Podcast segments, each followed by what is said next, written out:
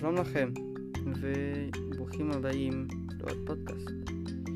היום יש לי נושא די מיוחד לדבר עליו, נושא שעלה די הרבה ברשתות, ברשתות החברתיות ובחדשות אה, בזמן האחרון.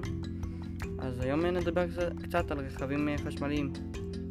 אני לא יודע מי מכם שם לב, אבל בשנה, שנתיים האחרונות יש הרבה רכבים חשמליים שמגיעים לישראל.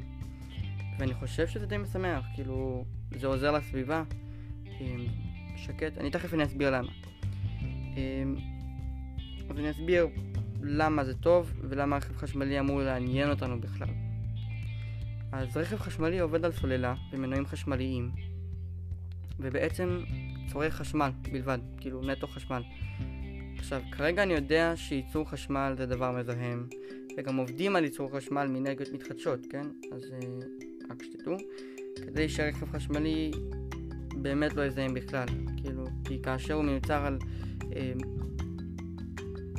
על חשמל, ש, כאילו, כשייצור החשמל מזהם, אז הרכב החשמלי הוא לא באמת 100% נקי, אבל תכף נגיע לזה. אבל כרגע סך הכל יש עוד דברים שמייחדים רכב חשמלי, ובגללם הוא שווה יותר מרכב בנזין. אז אני אתחיל עם החסרונות, אה, עם היתרונות, סליחה, ואני אעבור אה, לחסרונות. אז שני דברים טובים ובולטים ברכב, ברכב חשמלי הם 1. הוא שקט ו-2. הוא לא פולט דלק בכלל, כאילו זה הגיוני. אה, אז באמת למה אני מתכוון? אה, כי זה די ברור שהוא לא פולט דלק, כן? אבל אה, אני מתכוון שבגלל שרכב חש... חשמלי לא פולט דלק, אז אין ריח מסריח והוא לא יפלוט עשן בסביבה שלנו, שזה ממש נחמד. חסרונות אבל, ויש חסרונות, הם, אה, אחד, הוא אמנם עובד על חשמל, אבל כפי שאמרתי קודם, ייצור החשמל בישראל עוד מזהם, ולכן רכב חשמלי הוא לא 100% נקי. אמ, דבר שטיפה מוריד קצת מהערך של רכב חשמלי.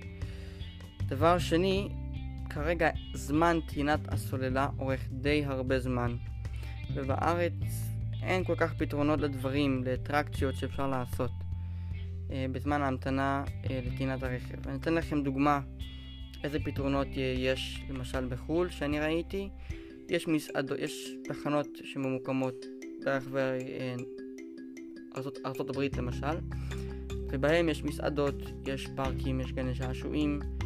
אה, ראיתי שיש תוכנית של אילון מאסק, מנכ"ל טסלה, להכין רשת שלמה של מסעדה ענקית כזאת עם מלא כל מיני אוכל, מוזיקה, מלא דברים, כאילו פעילויות כאלה, בזמן שמחכים לטעינה, לטסלה שלכם להיטען. אמ, אז זה פתרונות שיש בחו"ל, וחבל שאין את זה בארץ. אמ, אז זה, זה החיזרון השני. אמ, סך הכל רכבים חשמליים הם פתרון טוב. זה שקט, זה נחמד, זה נקי. אבל עד שיהיה פ... כאילו פתרון טוב ממש למשקל של הרכב בגלל הסוללות, אה, משקל הסוללות, ופתרון לזמן שלוקח להטעין את הרכב, אה, עדיף להשקיע כבר ברכב שהוא היברידי או פלאגין הייבריד. רכב היברידי למש... ופלאגין הייבריד אני אסביר עכשיו למי שלא יודע.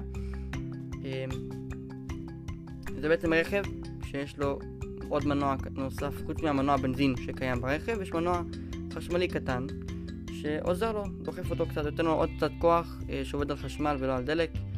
נגיד בהתחלת נסיעה, בפקקים, ב... או כשאתם במיש... במישור או בירידה, והמנוע עובר, פשוט מבנזין הוא עובר לחשמל בלבד, וזה עוזר לצריכת הדלק. בפלאגין הייבריד, אתם תק... כאילו יהיה גם עוד, אה, יהיה סוללה בתוך, ברכב, שתספק בין 50 ל-70 קילומטרים כאלה, שכולם עובדים על חשמל.